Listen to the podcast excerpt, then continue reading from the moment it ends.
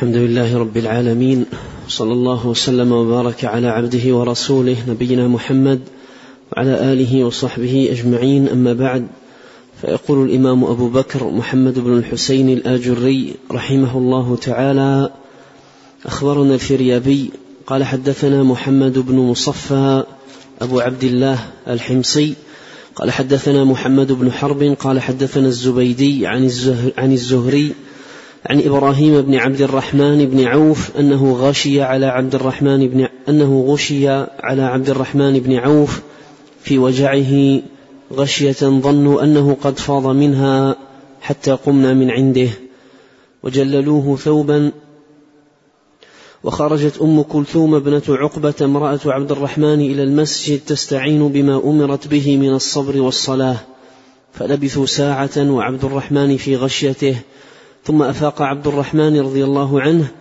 فكان أول ما تكلم به أن كبر وكبر أهل البيت ومن يليهم. فقال لهم عبد الرحمن رضي الله عنه اغشي علي انفا؟ فقالوا نعم. قال صدقتم. فانه انطلق بي في غشيتي رجلان. رجلان أشد أجد منهما شدة وغلظة. فقالا انطلق بنا. نحاكمك إلى العزيز الأمين. فانطلق بي حتى لقينا رجلا فقال أين تذهبان بهذا؟ قال نحاكمه إلى العزيز الأمين. قال فارجعا فإنه ممن كتب الله لهم السعادة والمغفرة وهم في بطون أمهاتهم. وإنه يستمتع به بنوه إلى ما شاء الله. قال فعاش بعد ذلك شهرا ثم مات. قال وأخبرنا الفريابي قال حدثنا محمد بن عزيز قال حدثنا سلامة بن روح عن عقيل بن خالد قال حدثني ابن شهاب الزهري قال حدثني إبراهيم بن عبد الرحمن بن عوف أنه قال غشي على عبد الرحمن بن عوف في وجعه وذكر نحوا من هذا الحديث قبله. بسم الله الرحمن الرحيم. الحمد لله رب العالمين وأشهد أن لا إله إلا الله وحده لا شريك له وأشهد أن محمدا عبده ورسوله صلى الله وسلم عليه وعلى آله وأصحابه أجمعين. اللهم إنا نسألك علما نافعا ورزقا طيبا وعملا متقبلا. اللهم علمنا ما ينفعنا وانفعنا بما علمتنا وزدنا علما. وأصلح لنا شأننا كله ولا تكلنا إلى أنفسنا طرفة عين. أما بعد هذا الأثر الذي ساقه الإمام الآجري رحمه الله تعالى هو كسابقه من الآثار في إثبات الصحابة رضي الله عنهم للقدر وإيمانهم به وردهم على القدرية نفاته. ويروي هذا الأثر إبراهيم ابن عبد الرحمن بن عوف أن أنه غشي على عبد الرحمن بن عوف. عبد الرحمن بن عوف كما لا يخفى أحد العشرة الذين بشرهم النبي صلى الله عليه وسلم. ويشاء الله سبحانه وتعالى أن تحصل له هذه الرؤيا قبيل وفاته بشهر عندما غشي عليه. آه، مبشرة وفي الوقت نفسه مصدقة لما كان بشره به النبي عليه الصلاة والسلام بالجنة لأنه صح في الحديث أنه عد عشرة من أصحابه في مجلس واحد كل واحد باسمه يقول في الجنة. ومنهم عبد الرحمن قال وعبد الرحمن بن عوف في الجنة وسموا العشرة المبشرين بالجنة لأن النبي عليه الصلاة والسلام بشرهم في الجنة في مجلس واحد. بشرهم في آه، في الجنة بالجنة في مجلس واحد صلوات الله وسلامه وبركاته عليه. وفي آه، هذا الخبر أن عبد الرحمن في وجعه أي اشتداد مرضه غشي عليه غشية أي دخل في غيبوبة فظنوا أنه قد فاض منها يعني فارق الحياة. حتى قمنا من عنده وجللوه ثوبا أي غطوه بثوب. وخرجت أم كلثوم ابنة عقبة امرأة عبد الرحمن بن عوف رضي الله عنهما إلى المسجد تستعين بما أمرت به. من الصبر والصلاة. تستعين بما أمرت به من الصبر والصلاة. عملا بقول الله جل وعلا واستعينوا بالصبر والصلاة. وفي الصبر والصلاة أكبر معونة للعبد ولا سيما عند الشدائد والمصائب والفواجع. فما استعين على فاجعة ولا نازلة ولا مصيبة بمثل الصبر والصلاة. وكان النبي عليه الصلاة والسلام إذا حزبه أمر فزع إلى الصلاة. والله عز وجل يقول وبشر الصابرين الذين إذا أصابتهم مصيبة قالوا إنا لله وإنا إليه راجعون. فما هناك أمر يستعان فيه. على الشدائد والمصائب مثل الصبر والصلاة. قد جمع الله بينهما في هذا الباب باب الاستعانة. قال واستعينوا بالصبر والصلاة ففيهما معونة للعبد وأعظم معونة. فخرجت تستعين بما أمرت به أي في قوله واستعينوا بالصبر والصلاة. من الصبر والصلاة فلبثوا ساعة وعبد الرحمن في غشيته. والمراد بساعة مدة من الزمن. ثم أفاق عبد الرحمن فكان أول ما تكلم به أن كبر. قال الله أكبر. وكبر أهل البيت ومن يليهم. فقال لهم عبد الرحمن أغشي علي آنفا؟ قالوا نعم. قال صدقتم فإنه انطلق بي في غشيتي رجلان أجد منهما شدة وغلظة. فقال انطلق بنا نحاكمك إلى العزيز الأمين. انطلق بنا نحاكم نحاكمك إلى العزيز الأمين. فانطلق بي حتى لقينا لقينا رجلا فقال أين تذهبان به؟ قال نحاكمه إلى العزيز الأمين قال فارجعا فإنه ممن كتب الله لهم السعادة والمغفرة وهم في بطون أمهاتهم وفي رواية أو في لفظ فإنه ممن سبقت لهم السعادة والمغفرة وهم في بطون أمهاتهم. وهذا موطن الشاهد من هذا الخبر للترجمة. فيه إثبات القضاء والقدر. سبقت له آه، السعادة والمغفرة وهو في بطن أمه. وفي اللفظ الذي عندنا هنا ممن كتب الله لهم السعادة. فهذا فيه أن الأمور مكتوبة وسبق بها الكتاب مثل ما جاء في الآية الكريمة.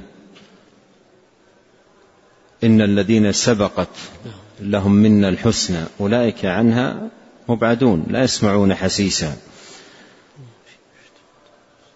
قال فإنه ممن كتب الله لهم السعادة والمغفرة وهم في بطون أمهاتهم. وفي هذه البشارة التي حصلت لسعد لعبد الرحمن رضي الله عنه في هذا الموقف تصديق لما بشره به النبي صلى الله عليه وسلم. ما بشره به النبي صلى الله عليه وسلم حيث قال عبد الرحمن بن عوف في الجنة. فهذا فيه تصديق لذلك. فيه تصديق لذلك. وهذه الرؤية التي حصلت له من المبشرات.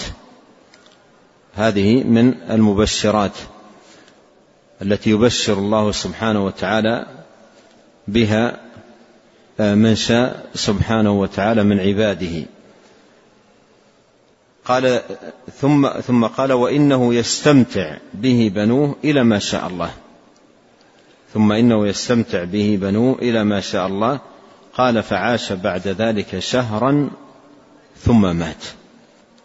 أي استمتع به بنوه ببقائه معهم مدة شهر ثم مات. ومعنى ذلك أن هذه البشارة العظيمة حصلت له قبيل وفاته يعني بمدة وجيزة. نعم.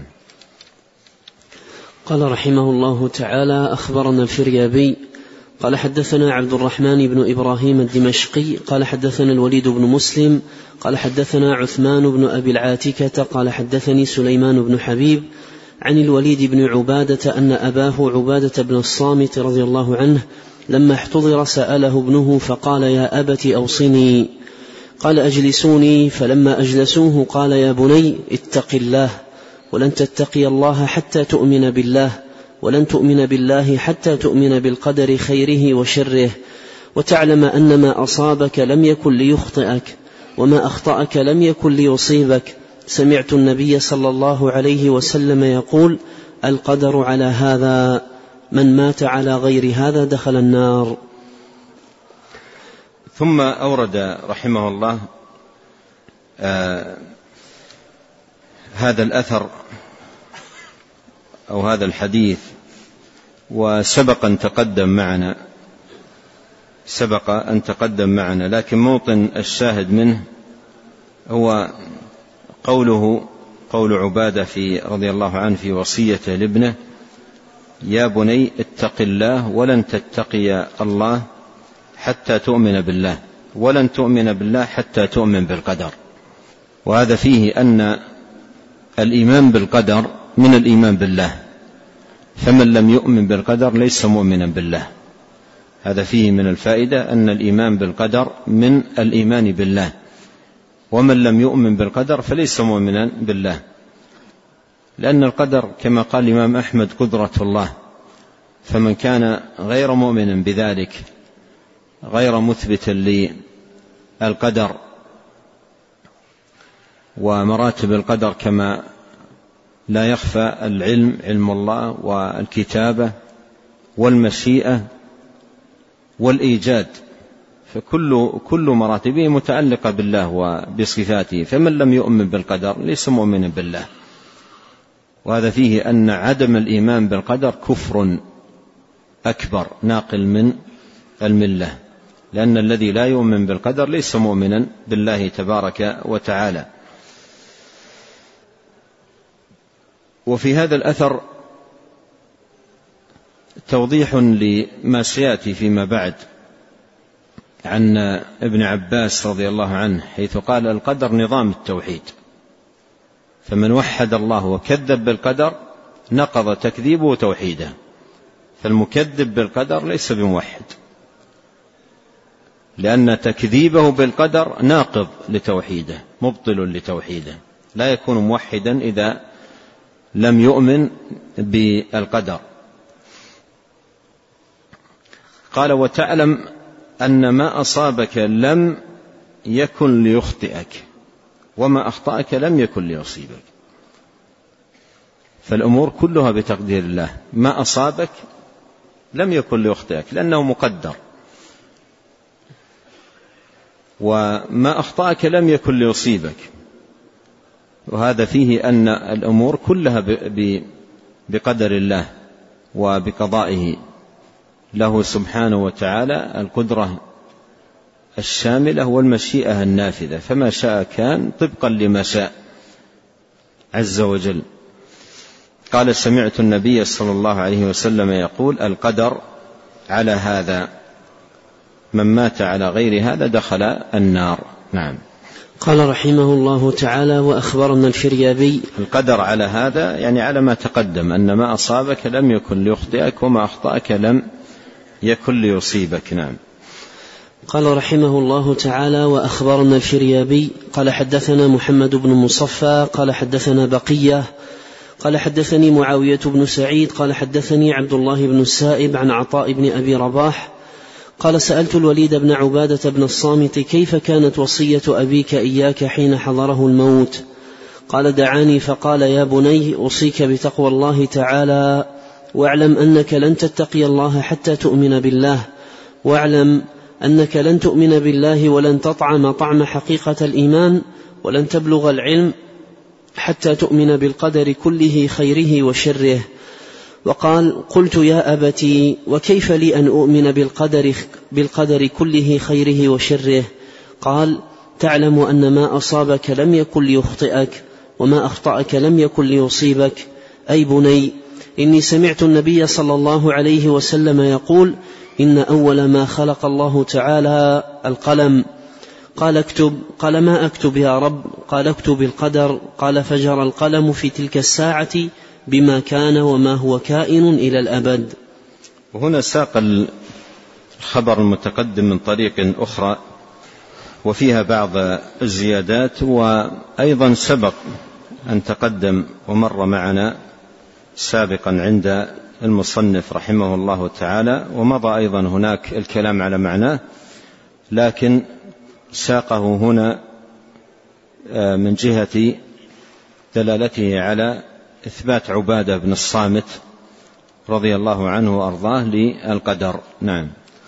قال رحمه الله تعالى أخبرنا الفريابي قال حدثني أبو أنس مالك بن سليمان قال حدثنا بقية يعني بن الوليد عن مبشر بن عبيد عن عطاء بن السائب عن أبي صالح عن ابن عباس رضي الله عنهما.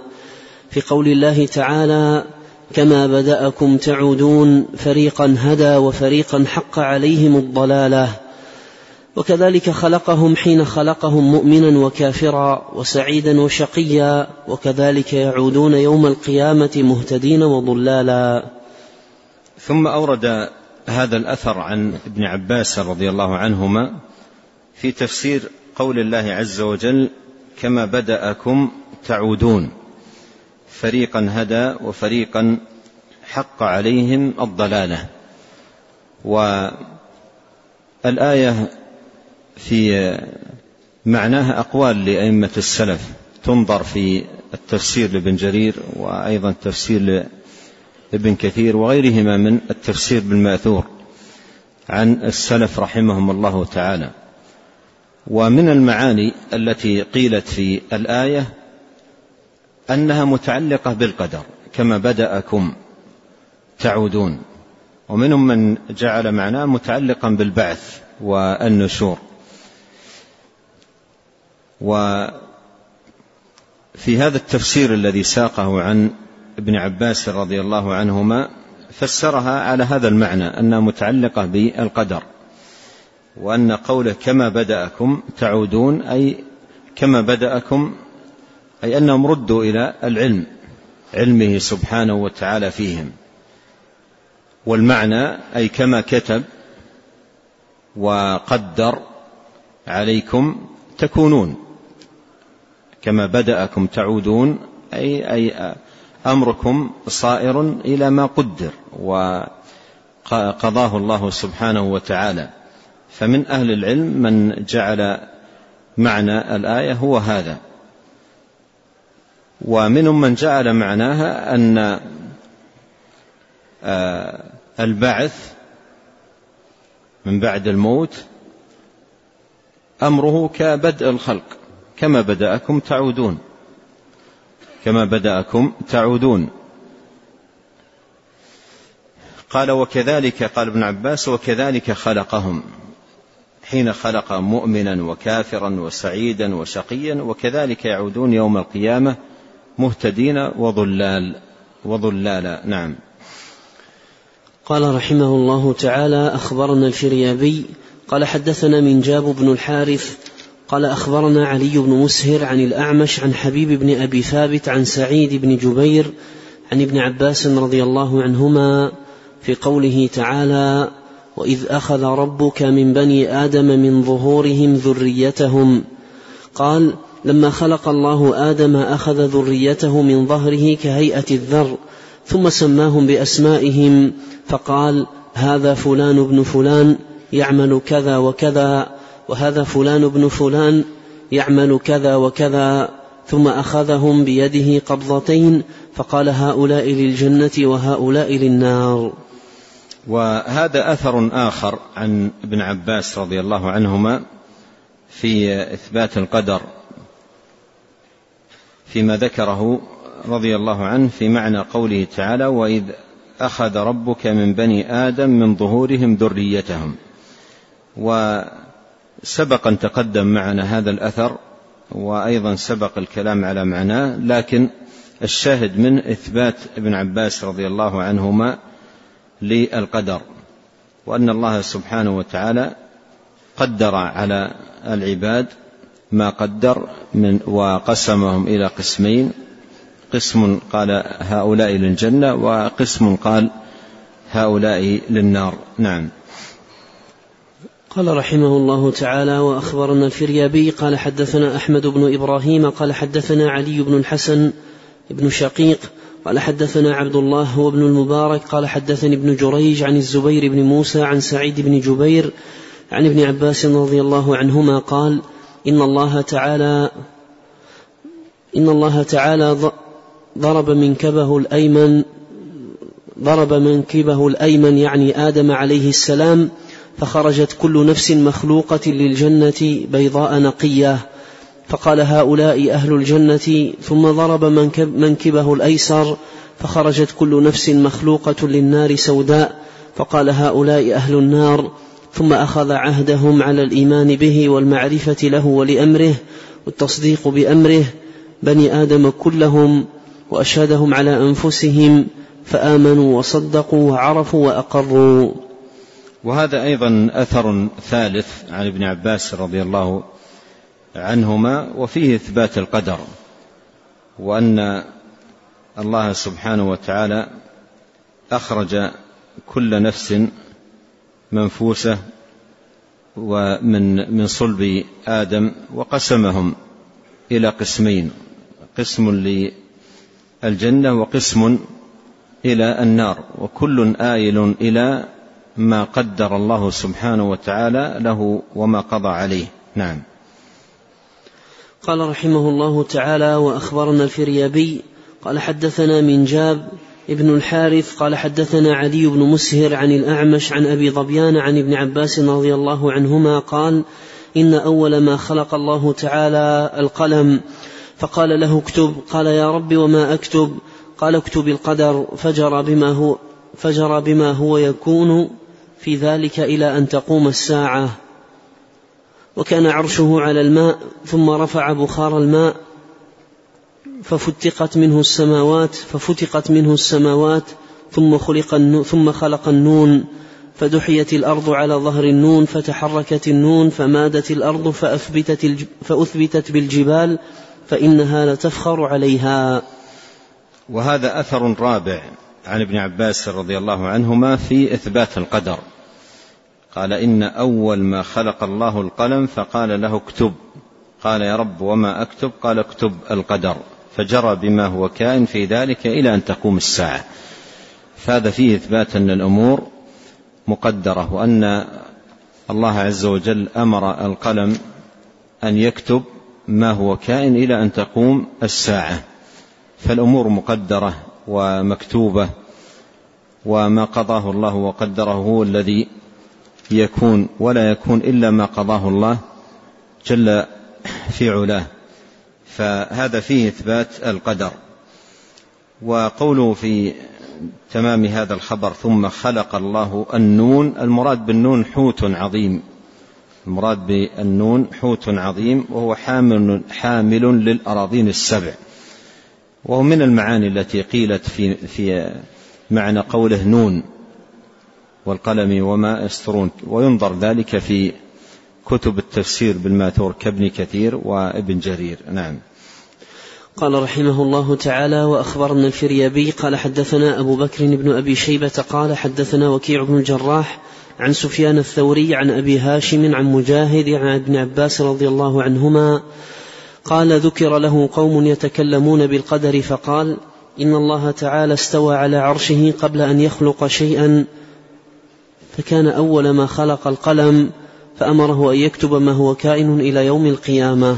نعم وهذا أثر خامس عن ابن عباس رضي الله عنهما في إثبات القدر في إثبات القدر وأن الله سبحانه وتعالى أول ما خلق القلم وأمره أن يكتب كل ما هو كائن إلى يوم القيامة. نعم. قال رحمه الله تعالى وأخبرنا الفريابي قال حدثنا قتيبة بن سعيد قال حدثنا الليث بن سعد عن هشام بن سعد عن إبراهيم بن محمد بن علي عن علي بن عبد الله بن عباس عن ابن عباس رضي الله عنهما أنه قال كل شيء بقدر حتى وضعك يدك على خدك. وهذا أثر سادس عن ابن عباس رضي الله عنهما في إثبات القدر. قال رضي الله عنه كل شيء بقدر. كل شيء بقدر.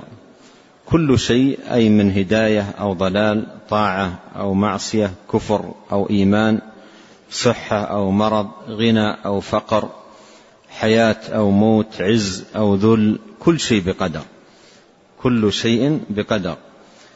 ثم ضرب مثالا آه، رضي الله عنه ضرب مثالا في أمر بسيط وأمر يسير جدا لبيان أن كل شيء بقدر. قال حتى وضعك يدك على خدك. كثيرا ما يضع الإنسان يده على خده أو تحت ذقنه أو يلمس بها رأسه أو يقول حتى هذه الحركة بقدر. وهذا التمثيل بهذا المثال نظير ما تقدم عن علي بن أبي طالب رضي الله عنه لما بل السبابة والإبهام بريق, بريق من فمه ثم رقم على كفه أو على ساعده. وقال هاتين الرقمتين بقدر.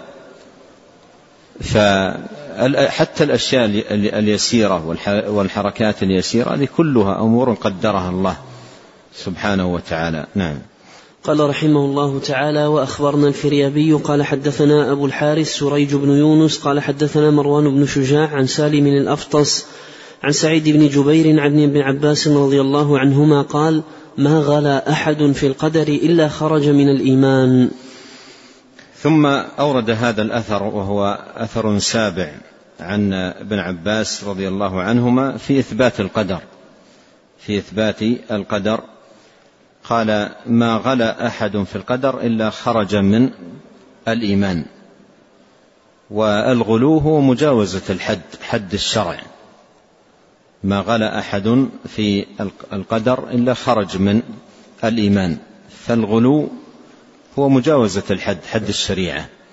ولهذا نفاة القدر أهل غلو لأنهم جاوزوا حد الشرع. وجحدوا ما ثبت في كتاب الله وسنة نبيه صلوات الله وسلامه وبركاته عليه. وقول إلا خرج من الإيمان فيه أن جحد القدر وعدم إثباته كفر وخروج من الملة وأن إيمان المرء بالله لا ينتظم ولا يستقيم إلا بإيمانه بالقدر. فمن لم يؤمن بالقدر لا يكون مؤمنا بالله عز وجل. نعم. قال أخبرنا الفريابي قال حدثنا أبو بكر بن أبي شيبة قال حدثنا حفص بن غياث عن ليث عن طاووس قال العجز والكيس من القدر. نعم. قال حدثنا أبو بكر عبد الله بن محمد بن زياد النيسابوري قال حدثنا محمد بن يحيى وأحمد بن يوسف قالا حدثنا عبد الرزاق قال أخبرنا معمر عن ابن طاووس عن أبيه عن ابن عباس رضي الله عنهما قال العجز والكيس من القدر. وهذا أثر ثامن عن ابن عباس رضي الله عنهما في إثبات القدر وأن الأمور كلها بتقدير الله عز وجل. قال العجز والكيس من من القدر. العجز معروف والكيس هو الفطنة والنباهة والإحسان في إتيان الأمور من أبوابها. فالعجز والكيس من القدر العجز والكيس من القدر. وهذا المعنى صح مرفوعا عن النبي صلى الله عليه وسلم كما سيأتي عند المصنف رحمه الله. نعم. قال رحمه الله تعالى حدثنا أبو بكر النيسابوري أيضا قال حدثنا يونس بن عبيد بن عبد الأعلى قال حدثنا عبد الله بن وهب أن مالكا أخبره عن زياد بن سعد عن عمرو بن مسلم عن طاووس اليماني أنه قال أدركت ناسا من أصحاب النبي صلى الله عليه وسلم يقولون كل شيء بقدر وسمعت عبد الله بن عمر يقول رضي الله عنهما يقول قال النبي صلى الله عليه وسلم كل شيء بقدر حتى العجز والكيس. نعم وهذا فيه آآ آآ هذا المرفوع إلى النبي عليه الصلاة والسلام كل شيء بقدر حتى العجز والكيس. كل ما يكون من الإنسان من أمور تدل على نباهة أو على كسل أو على فتور أو على نشاط. هذا كله أمور مقدرة. قضاها الله سبحانه وتعالى وقدرها على العباد. نعم. قال رحمه الله تعالى أخبرنا الفريابي قال حدثنا أبو بكر أبو بكر بن أبي شيبة قال حدثنا وكيع عن حنظلة عن طاووس عن ابن عباس رضي الله عنهما قال الحذر لا يغني من القدر ولكن الدعاء يدفع القدر. وهذا أثر تاسع عن ابن عباس رضي الله عنهما في إثبات القدر. قال رضي الله عنه الحذر لا يغني من القدر. حذر الإنسان وحيطته لا يغني من القدر في كل باب. يعني مثلا في باب الصحة عندما يحذر الإنسان من تناول مثلا أمور أو أطعمة أو حفظا للصحة إذا جاء المرض جاء وحذره لا يغنيه من القدر. ليس معنى ذلك أن الإنسان لا يتخذ الأسباب ولا يبذلها لأنها لا تغني ليس هذا هو المراد. لكن في, في هذا الأثر من الفائدة أن المرء لا يتعلق بالأسباب لا تغني شيئا. الأمر بيد الله. أنت مأمور باتخاذ الأسباب في عافيتك وفي صحتك وفي سائر مصالحك لكن لا تركن إليها لأنها لا تغني عنك من الله شيئا. فكن دائما متوكلا على الله معتمدا عليه مفوضا أمرك إليه سبحانه وتعالى. قال الحذر لا يغني من القدر ولكن الدعاء يدفع القدر. ولكن الدعاء يدفع القدر. والدعاء نفسه من القدر. فهو دفع لقدر الله بقدر الله. دفع لقدر الله بقدر الله سبحانه وتعالى لأن الدعاء من القدر. وهذا المعنى الذي جاء عن ابن عباس في هذا الأثر صح مرفوعا بنحوه عن النبي صلى الله عليه وسلم من حديث أم المؤمنين عائشة فيما رواه الحاكم بلفظ لا يغني حذر من قدر والدعاء ينفع مما نزل ومما لم ينزل والدعاء ينفع مما نزل ومما لم ينزل. نعم. قال رحمه الله تعالى حدثنا الفريابي قال حدثنا أبو مسعود إسماعيل بن مسعود الجحدري قال حدثنا معتمر بن سليمان قال حدثنا أبو عوانة عن عطاء بن السائب عن سعيد بن جبير عن ابن عباس رضي الله عنهما قال ما في الأرض قوم أبغض إلي من أن يجيئوني فيخاصموني من القدرية وما ذاك إلا أنهم لا يعلمون قدرة الله تعالى. وأن الله لا يسأل عما يفعل وهم يسألون. وهذا أثر عاشر عن ابن عباس رضي الله عنهما في إثبات القدر والرد على القدرية وأنه ما في الأرض قوم أبغض إليه رضي الله عنه وأرضاه منهم. وأن يجيئوه ويتجادلوا معه. ففيه بغضه رضي الله عنه وأرضاه للقدرية. وبين ذلك قال وما ذاك إلا أنهم لا يعلمون قدرة الله. لا يعلمون قدرة الله وأن الله لا يسأل عما يفعل وهم يسألون. وهذا فيه شناعة قول القدرية. وأن نفيهم للقدر نفي لقدرة الله ونفي قدرة الله كفر بالله سبحانه وتعالى. نعم. قال رحمه الله تعالى وأخبرنا الفريابي قال حدثنا أبو بكر ابن أبي شيبة قال حدثنا يزيد بن هارون قال أخبرنا يحيى بن سعيد عن, عن أبي الزبير أنه كان مع طاووس يطوف بالبيت فمر معبد الجهني فقال قائل لطاووس هذا معبد الجهني فعدل إليه فقال أنت المفتري على الله القائل ما لا يعلم قال إنه يكذب علي. قال أبو الزبير فعدل مع طاووس حتى دخلنا على ابن عباس رضي الله عنهما. فقال له طاووس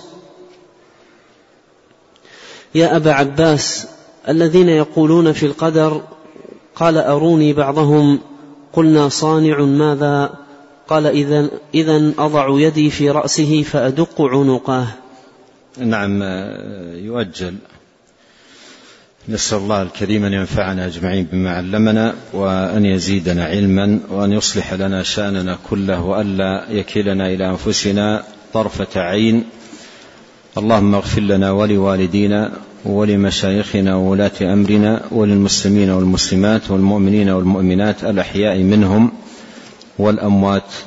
اللهم اقسم لنا من خشيتك ما يحول بيننا وبين معاصيك ومن طاعتك ما تبلغنا به جنتك ومن اليقين ما تهون به علينا مصائب الدنيا. اللهم متعنا بأسماعنا وأبصارنا وقوتنا ما أحييتنا واجعله الوارث منا واجعل ثأرنا على من ظلمنا وانصرنا على من عادانا.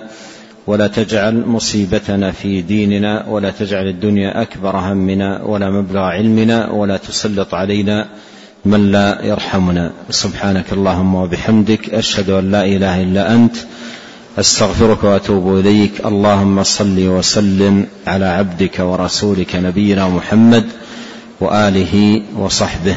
جزاكم الله خيرا.